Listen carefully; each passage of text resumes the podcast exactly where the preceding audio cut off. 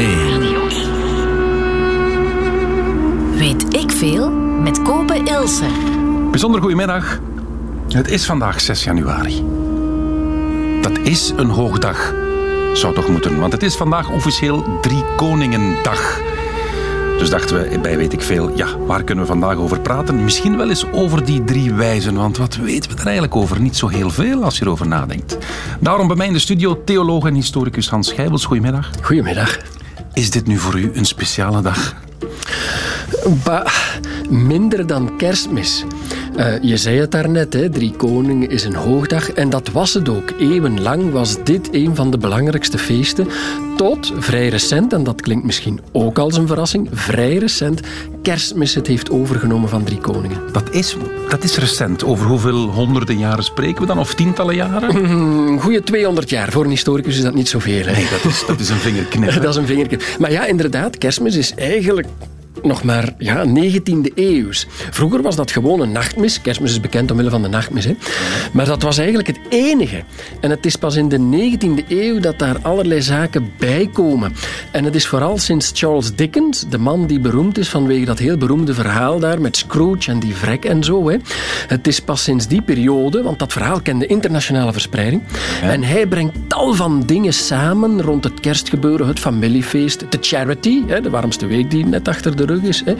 Uh, die kalkoen en noem maar op. Uh, en dat heeft gemaakt dat kerstmis zich in de 19e eeuw heel snel heeft opgewerkt en drie koningen heeft vervangen. Eigenlijk heeft kerstmis drie koningen verdrukt.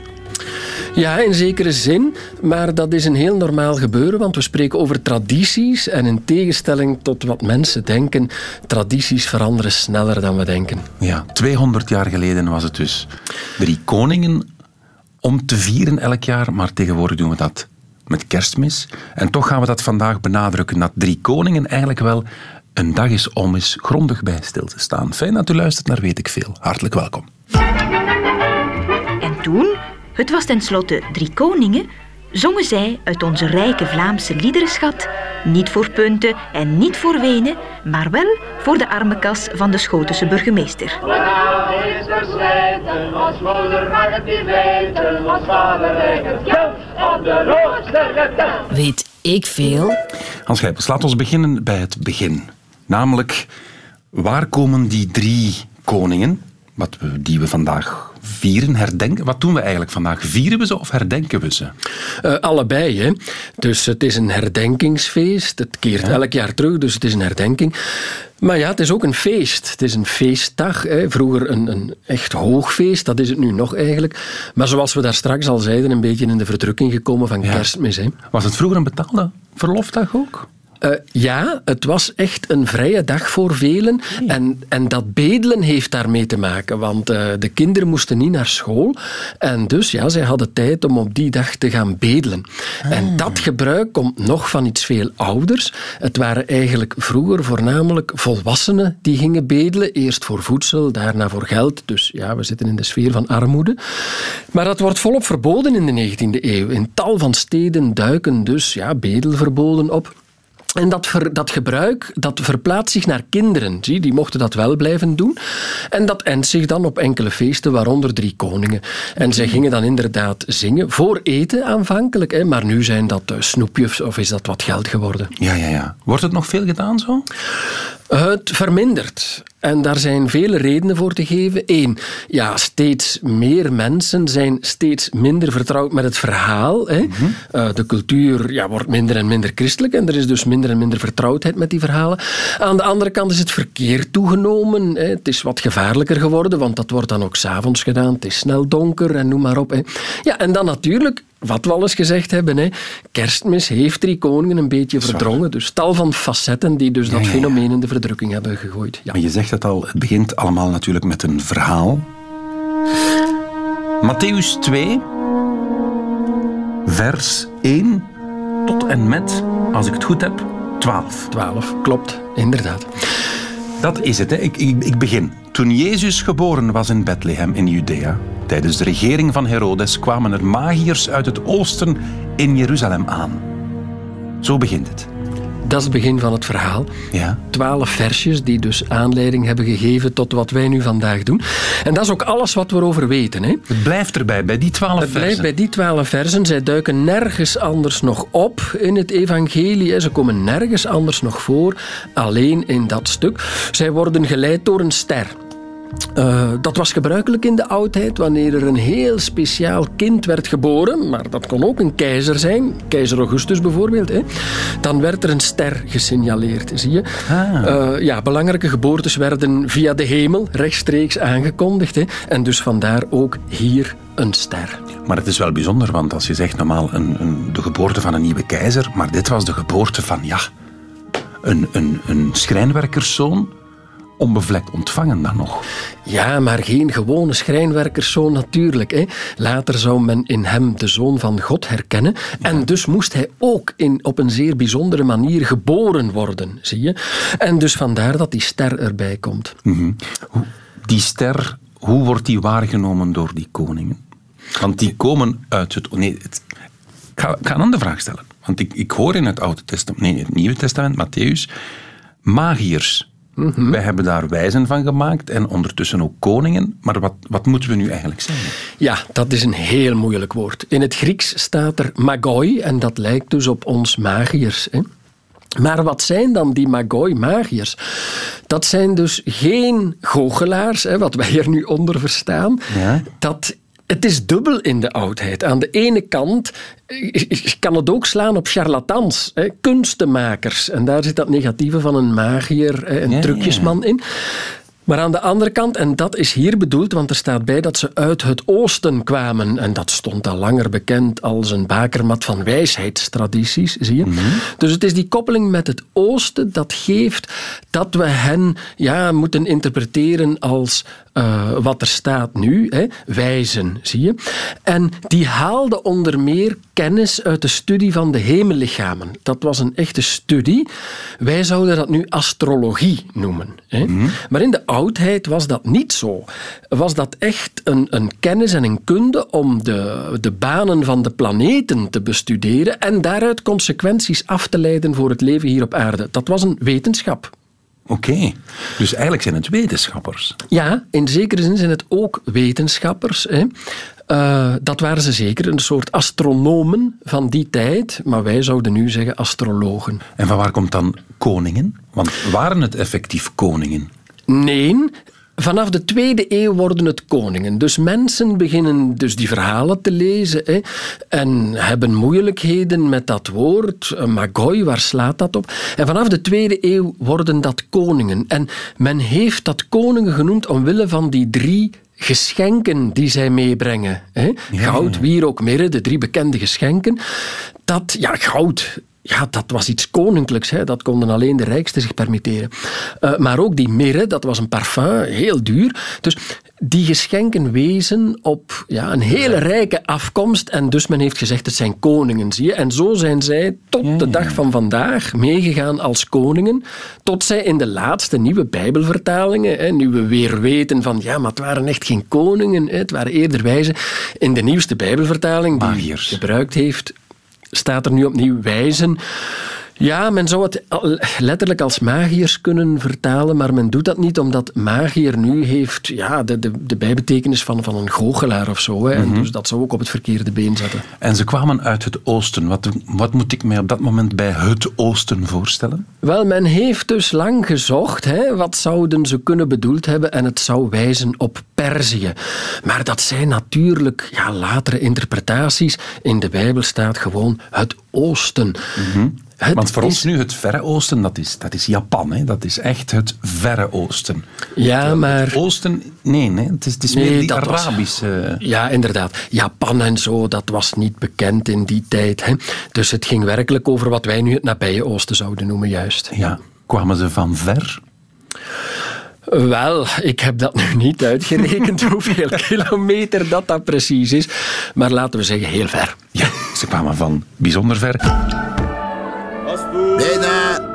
De deur ging open en er kwamen drie koningen binnen. Ja! Wij zijn de wijzen uit het oosten. Ze hadden speciale geschenken meegebracht. Goud, wierook en mirre. De, niet echt babycadeautjes. Goud is geld, mirre is een soort van hars waar je als baby niet echt iets mee kunt. Maar wierook geeft een heerlijke geur waar je rustig van wordt. Ook pasgeboren baby's. Weet ik veel? En in die tijd waren goud, wierook en mirre hele dure cadeaus. Niet niks, zouden de herders onder elkaar fluisteren. De wijze koningen knielden voor de kribben en bogen hun hoofd voor het pasgeboren babytje dat vredig lag te slapen.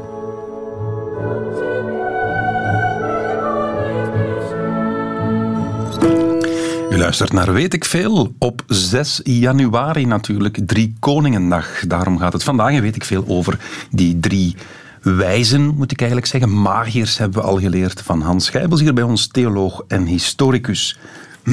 Even hoesten. Hans, ik heb al gehoord van jou dat, het, ja, dat we nog een beetje moeten... Ja, koningen zijn het niet, het zijn wijzen, maar magiërs. Maar magiërs heeft wat een negatieve connotatie. Dus laat het ons over de drie wijzen hebben. We gaan niet meer over Jacques, Walter en Gertie praten. Het gaat over de drie... Hoe heten ze precies? Ja, ze hebben verschillende namen gehad in de geschiedenis, maar daar gaan we het niet over hebben. Momenteel bij ons zijn ze het meest gekend als Caspar, Balthazar en Melchior. Caspar, Balthazar en Melchior. En ze hadden cadeaus bij. Drie geschenken. Je hebt het net al gezegd, dat waren dure cadeaus. Namelijk goud, mirre en... Wierook. Wierook. Laten we beginnen bij het begin. Wat is mirre eigenlijk?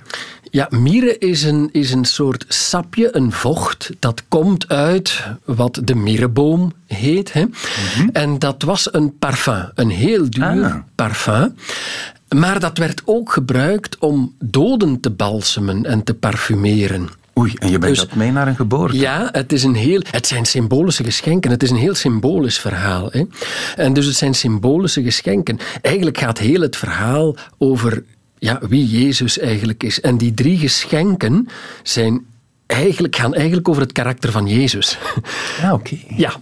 Uh, Wat zegt Mire over het karakter Mire, van Jezus? Mire zegt dat hij uh, een menselijk lichaam had, hè, zoon van God, maar wel hier geboren, wel een menselijk lichaam en dus ten dode opgeschreven. En hij zal dus ook sterven. En Mire staat echt voor die dood. Oei. Ja, dat is iets wat wij nu verleerd zijn. Hè? Drie koningen, kerstmis. Vroeger werden die feesten echt gelinkt aan ook de dood en het verrijzen van Jezus. Ook de oude kerstliedjes gaan over zijn sterven. Maar in de 19e eeuw treedt daar een hele romantisering op en dat sterven moet eruit en zo. Mhm. Maar dat geschenk wijst hier nog op zijn dood, op zijn sterven. Hij wordt daar al onmiddellijk uh, bij zijn geboorte mee geconfronteerd. Hij moet sterven om de mensheid te verlossen. Een zware theologische boodschap. Maar daar wijst dat geschenk op. En waarop wijst goud? Goud wijst op zijn aardse koningschap omdat goud natuurlijk, ja, dat verbinden, verbonden we aan koningen. Hè. Zij, ook de drie wijzen worden altijd voorgesteld met rijke, uh, met gouddraad uh, uh, geweven hoofddoeken of met gouden kettingen aan. Hè. Mm -hmm. En zij offreren goud en dat is een teken van ja, het aardse koningschap. Hè. Jezus als koning van de aarde eigenlijk. Dus dat wijst op zijn aardse koningschap. En dan hebben we nog wierook, wat ik ken van in de mis. Hè. Wel, wierook is inderdaad, dat zijn harskorreltjes. En uh, geurige hars, ook hars gewoon uit een dennenboom, als je dat uh, op brand heeft een hele sterke geur. Uh, bij echte wierook is die geur wat aangenamer. Hè? Mm -hmm. En inderdaad, dat stijgt een hemel. Het is iets, iets heel spiritueels eigenlijk. Hè? En dat wijst op zijn hemelse natuur, op zijn goddelijke natuur hè? en op zijn hemelse koningschap. Zie je? Ah, ja, Vandaar ja. die wierook. Dus mire wijst op zijn sterfelijkheid, goud is zijn aardse koningsstatus. En dan de wierook gaat meer over het, ja, het hemelse. hemelse. Okay, ik, voeg er, aspect. Ja, sorry, ik voeg er graag aan toe dat de volksmond daar een andere betekenis aan gaf. Ja? Namelijk, ja, het volk veranderde vele dingen. Hè. Het goud was om de armoede uit de familie weg te nemen. De wierook was om de stank uit de stal te verdrijven. en uh, de mirre tenslotte was om de billetjes van de Jezus te verzorgen. Dus dat is de volksmond over die drie geschenken. Pas op, zo'n os en zo'n ezel, dat kan stinken ook. Juist. Wordt er eigenlijk, want dat weet ik niet. Ik heb wel de catecheseles, ik heb katholiek onderwijs gevolgd, dus ik ken het kerstverhaal wel. Maar wordt er eigenlijk iets gezegd?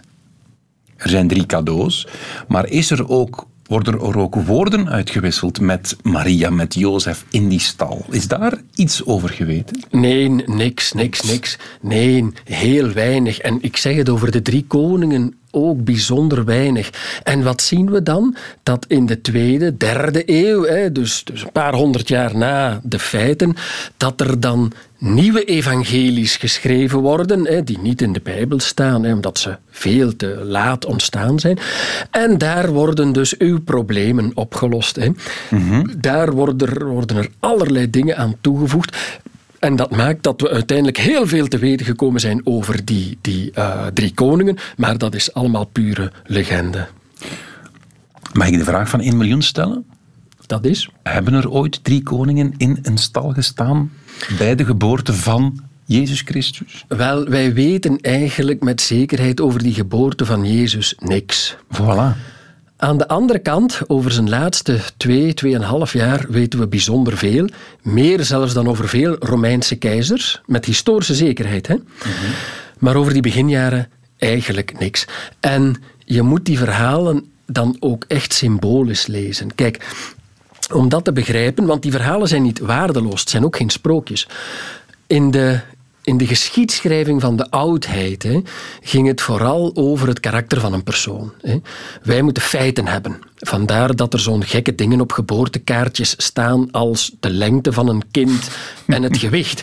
Ik heb nog nooit gezegd, maar ik vind die toch twee centimeter te klein, hoor, die baby. Maar wij zijn behept met zo van die feitjes. Ja, dat is niet zo romantisch, hè? Uh, weinig... Ik zou veel liever een boodschap zien van een, een welkom heten van dat kind. Maar goed, dat gewicht en die lengte staan daarop. Maar het zijn feitjes. Maar wanneer bijvoorbeeld Tacitus, de Romeinse geschiedschrijver, wanneer hij bezig is met Nero, is die helemaal niet geïnteresseerd in het gewicht van die man. Maar wel in de vraag, maar wie was dat verdorie? Dat was een Romeinse keizer en die steekt zijn eigen stad in brand. Wat was dat voor iemand? En dus, en dus die schrijft geschiedenis op een manier die wij niet meer gewend zijn. Aan de ene kant feiten, maar hij mixt die met wat wij legenden zouden noemen. Maar die legendes zijn voor hem heel belangrijk, want die gaan naar het karakter van Nero. En dat verklaart waarom hij uiteindelijk zijn eigen stad in brand heeft kunnen steken, zie je?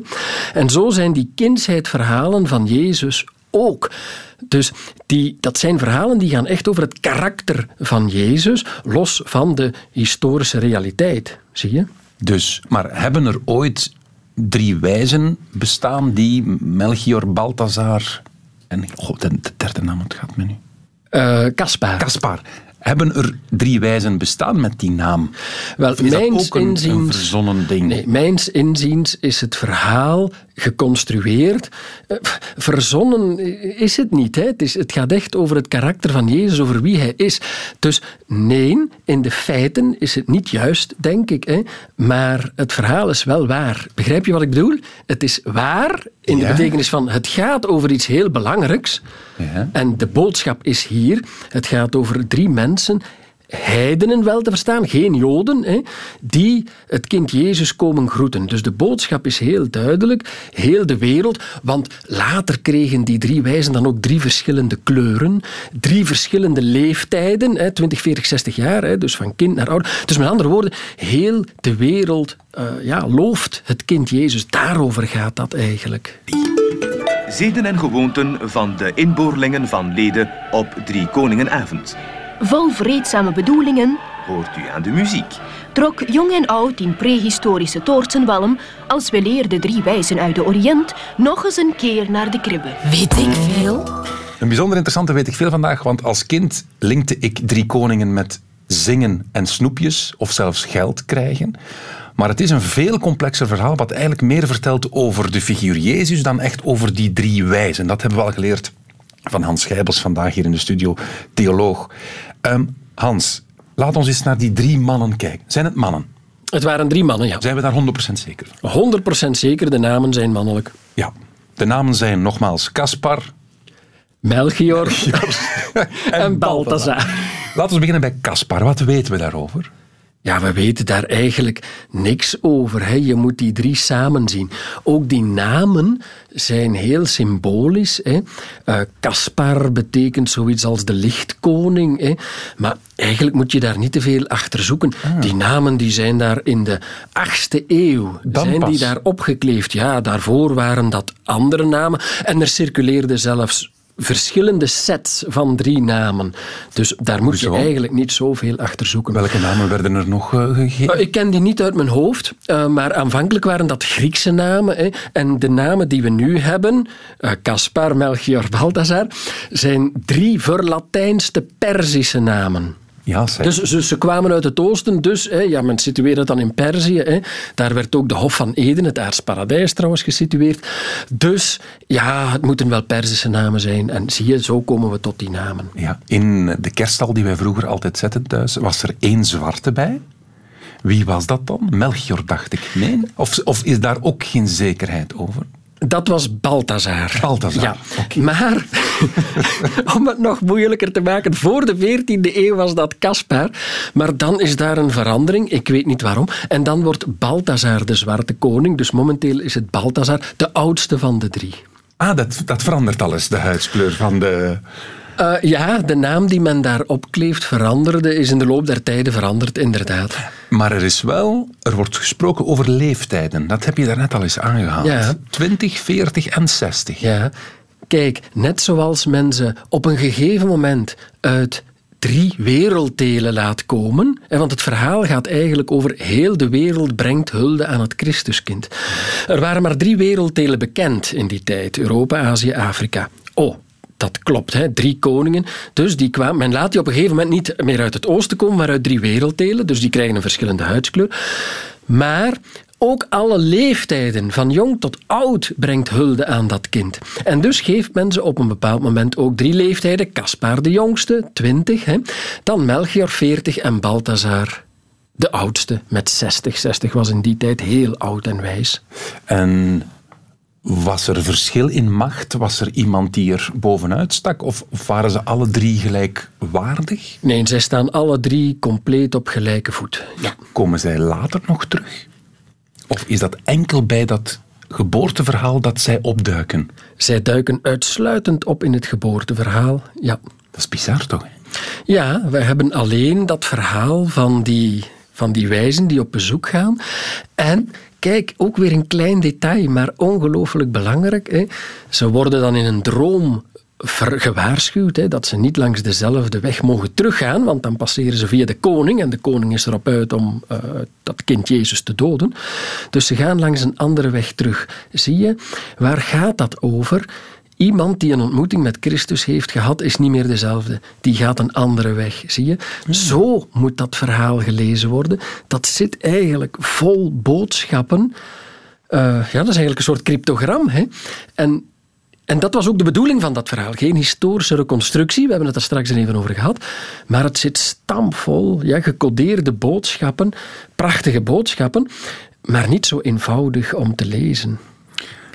Herodes, daar praten we nu over. Hè? Hoe is dat eigenlijk afgelopen, dat, dat, dat Herodes-verhaal? Ja, dat loopt uh, slecht af. Hè. Dat is uh, uh, onnozele kinderen. Hè. 28 december, drie dagen na kerstmis. Even de context. Dus die wijzen, Herodes had de opdracht gegeven van kijk, passeer terug langs mij als je het kind gevonden hebt, hè, dan kan ik het ook gaan eren. Hè. Maar natuurlijk, dat was een concurrent koning die daar geboren werd. Dus Herodes had helemaal niet de bedoeling om dat te gaan eren, maar om het te doden. Die koningen blijven weg. En Herodes besluit dan om in Bethlehem alle kinderen van 0 tot 2 te laten ombrengen, zie je. En dat vieren we op 28 december, drie dagen na kerstmis, het feest van onnozele kinderen. Onnozel is een oud Nederlands woord en betekent onschuldig. Zie je? Dus het gaat over de moord op de onschuldige kinderen. Voilà. En dus sindsdien lezen we niks meer over die wijzen in de Bijbel. Hoe zijn ze aan hun eind gekomen? Weten we dat? Nee, ook dat niet. We, nee, goed, via legendes en zo hè, zijn daar allerlei verhalen over. Maar hun verhaal krijgt een immense boost 800 jaar geleden. 850 jaar geleden, wanneer hun reliquieën in onze buurt belanden. Wanneer hun reliquieën geroofd worden vanuit de stad Milaan, waar ze lagen, nadat ze eerst in Constantinopel hadden gelegen. En dan grijpt dus die beroemde diefstal plaats van de uh, reliquieën van de heilige drie koningen. En die belanden in Keulen terecht. En dat geeft zo'n boost aan de devotie en de verering in de stad Keulen, dat men daar gewoon de doom de huidige doom van Keulen hè, heeft mee kunnen optrekken. Althans, een stuk toch toen, hè, want de rest is in de 19e eeuw bijgezet. Wacht Hans, want nu is er heel veel gezegd op heel korte tijd. dus de lichamen, de overblijfselen van de drie wijzen, werden eerst gesitueerd in Constantinopel, zeg je? Zij worden ontdekt in Jeruzalem door keizerin Helena. Keizerin Helena was de moeder van keizer Constantijn, hè, die van het christendom een, een, aanvaarde godsdienst heeft gemaakt. Hè. Dus de christenen werden niet langer vervolgd. Dus een favoriete uh, keizer van de christenen, hè, van de vroege christenen. En diens moeder laat men heel veel reliquieën ontdekken, waaronder het kruis waarop Jezus genageld is, laat men ontdekken door Helena. En later laat men haar ook de drie koningen ontdekken. Goed, zij schenkt die reliquieën aan de stad Constantinopel. Vergeet niet, Constantinopel was belangrijker dan Rome. In die tijd, Rome was stanende, Constantinopel was de nieuwe hoofdstad. Ja. Goed. Van daaruit worden die ten geschenke gegeven aan de stad Milaan. Enige dus, reden waarom? Uh, dat waren vaak diplomatieke uitwisselingsgeschenken. Ah, Hier drie dus lijken. In plaats van goud en geld gaf men toen reliquieën. Ja, ja. reliquieën, pas op, reliquieën waren kostbaarder dan goud. Hè? Ah ja. Oh ja, ja, ja, ja, ja. reliquieën waren, hun, de beenderen waren meer waard uh, dan hun gewicht in goud in die tijd. Hè? Dat is, ja, ja, ja, ja, dat vergeten we nogal eens. Ja, ja. Okay. Nu, dus dat waren hele zware diplomatieke giften eigenlijk, relieken. Goed, die belanden in Milaan. En dan is er een oorlog in Milaan. En de keizer zelf vecht die uit. De beroemde keizer Frederik Barbarossa ja. vecht die uh, strijd daaruit. Die wint, die overheerst uh, in Milaan. En dus die rooft de stad leeg. Wat keizers nogal eens plegen te doen. Hè. En die schenkt aan zijn rechterhand de aartsbisschop van Keulen. Daaraan geeft hij dus, ja, ja wat kon hij geven? De reliquieën van de heilige drie koningen. Zie je? En dus zo zijn die in Keulen beland, waar ze tot op de dag van vandaag nog altijd liggen, in de beroemde Dom van Keulen.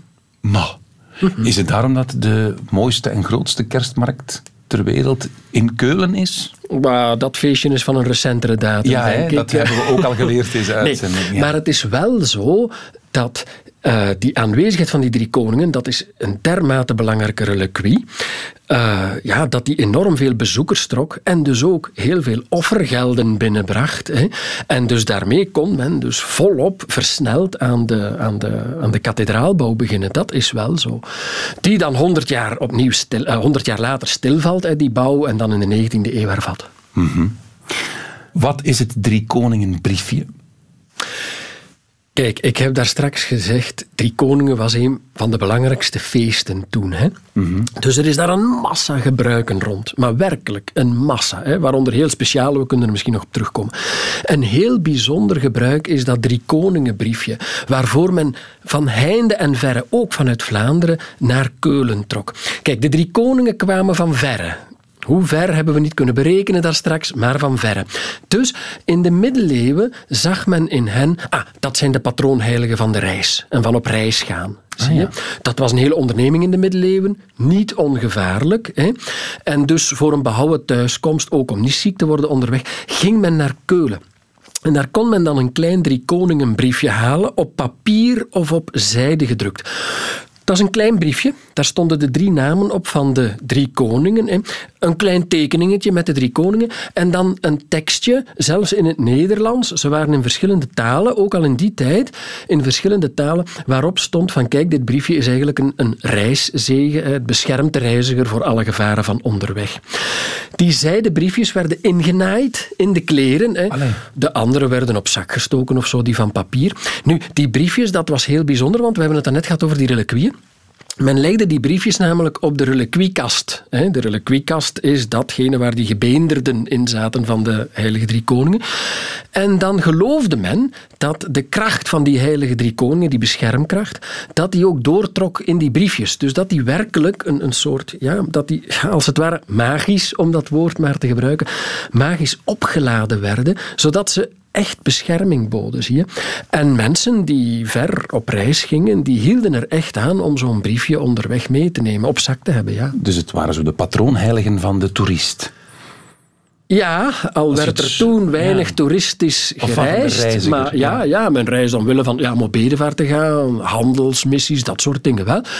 Uh, ja, en, en voor die reizen, of voor familiebezoek en zo, ja, om te beschermen onderweg. Wie had dat gedacht? De drie koningen als patroonheiligen van de toerist. Hè. We mogen dat eigenlijk zeggen. ja, het is eigenlijk logisch, hè, want zij zelf hebben zelf een zware en een lange tocht ondernomen. Dus het is heel logisch. In, in de middeleeuwen vond men die link heel logisch. Drie koningen, drie koningen, heeft mij een nieuwe noet.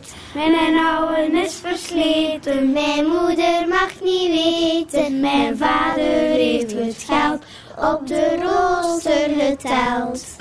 Hans, dat zingen. We hebben het er net al even over gehad, maar is dat iets Vlaams of iets typisch drie koningen?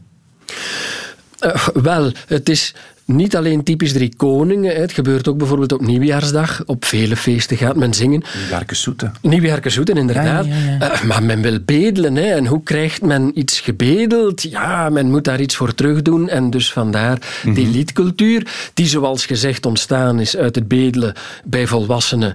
Dat wordt dan verboden volop in de 19e eeuw. En dat uh, verplaatst zich naar kinderen die wel mochten blijven bedelen en zingen.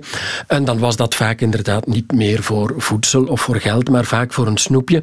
Tegenwoordig is dat dan terug een centje. Ik herinner mezelf dat ik heel graag ging zingen voor een centje. Ja, ja, ja, en dat een snoepje eerder een teleurstelling was. Maar van waar komt dan... Geef mij een nieuwe noot. Ja, Hebben we daar kijk, enig idee van? Drie men, koning, drie geef mij een nieuwe noot. Men wilde sparen. Kijk, de liedjes verschillen nogal eens van streek. En in sommige streken is dat dan een ander object. Hè, maar men wil dus geld voor iets, zie je.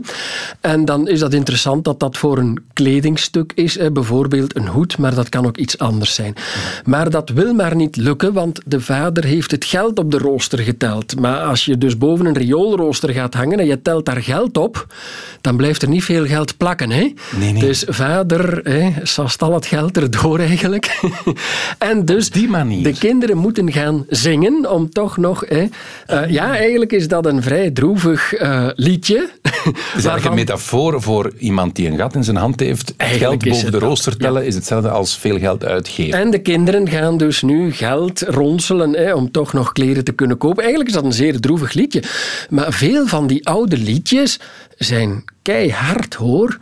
Maar omdat we de betekenis daar niet meer van kennen, we zingen dat maar. Ik heb dat ook gezongen, gezongen, zonder de betekenis. Hè. Maar vele van die liederen zijn inderdaad redelijk hard. Ja. Er is ook zoiets als een drie koningen spel. Ja, dat is nu wel verdwenen. Het is te zeggen, het bestaat nog onder de vorm van een boon, maar daarover misschien later meer. Maar het oude Drie Koningenspel was iets heel bijzonders. Dus dat was een blad papier, laten we zeggen een A4'tje.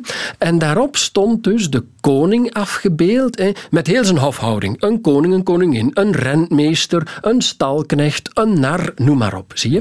En die hadden allemaal een functie. Zie je? En dus die, die, dat A4'tje, dat werd verknipt, hè, allemaal kleine briefjes. En dan was het loterij. Iedereen moest dan een lotje trekken. En ja, degene die de koning trok, had geluk die dag, hè, want die moest die dag niet meer werken. Nu, men had meestal vrij op 6 januari, maar die kon zich eens goed laten bedienen.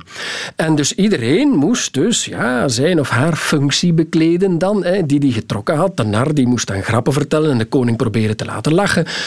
Uh, ja, dan had je natuurlijk degene die voor het eten moest zorgen, de voorproever en zo. Die hadden allemaal hun functie. Hè. En ja, de koning die kon zich lui lekker laten gaan die dag. Dat was een heel bekend spel.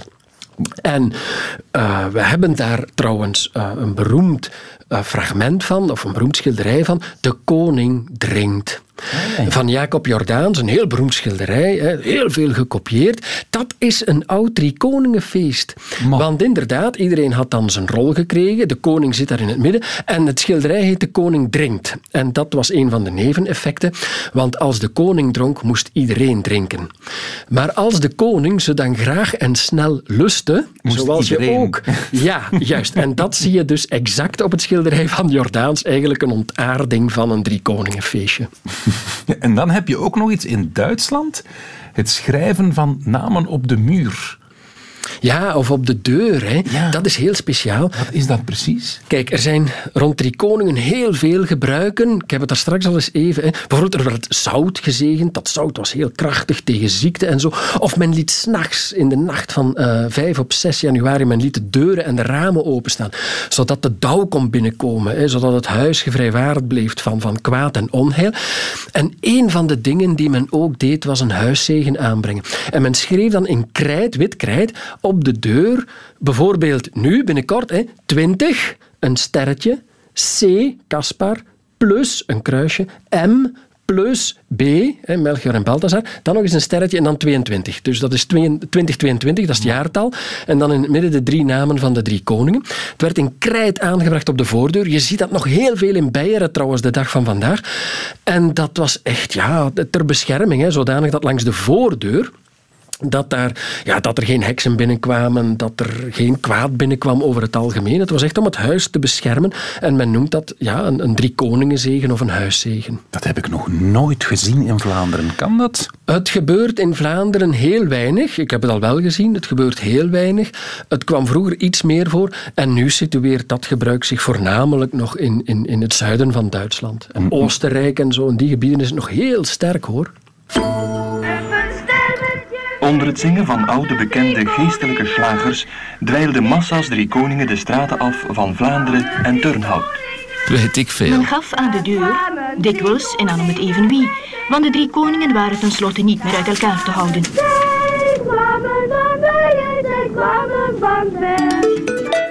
U hoorde Hans Schijbels zijn papieren goed schudden. ja, dat is niet erg, Hans. Dat is niet erg.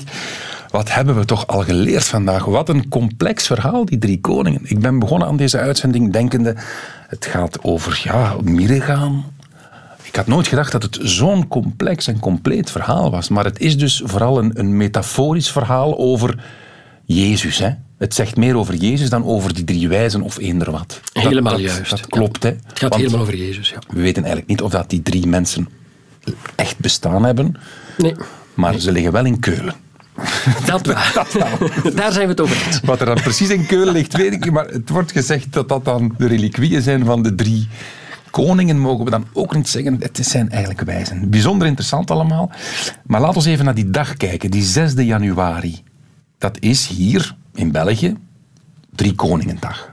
Is dat over heel de wereld, die dag? Uh, Nee, het is niet in heel de wereld zo. Hè. Ja, natuurlijk, in eerste plaats, het is vooral eigenlijk een katholiek gebruik. Ja. Uh, de, de christelijke familie is opgesplitst in verschillende ja, denominaties, zou je kunnen zeggen. Hè. De katholieken, een grote groep protestanten en orthodoxen. Wel, de orthodoxen vieren bijvoorbeeld eh, op 6 januari het doopsel van Jezus. Zij stellen het doopsel van Jezus in de Jordaan centraal. En op, op deze dag staan dus vele orthodoxe priesters bij een rivier om het water van de rivier te zegenen. Zie je? Ah, Dat zijn hun gebruiken. Nee, zoals wij het feest kennen, speelt het zich vooral af in de katholieke wereld eigenlijk. Hè. Goed, dan is het nu tijd om te bewijzen dat ik goed geluisterd heb naar Hans. Weet ik veel. Het examen van Weet ik veel.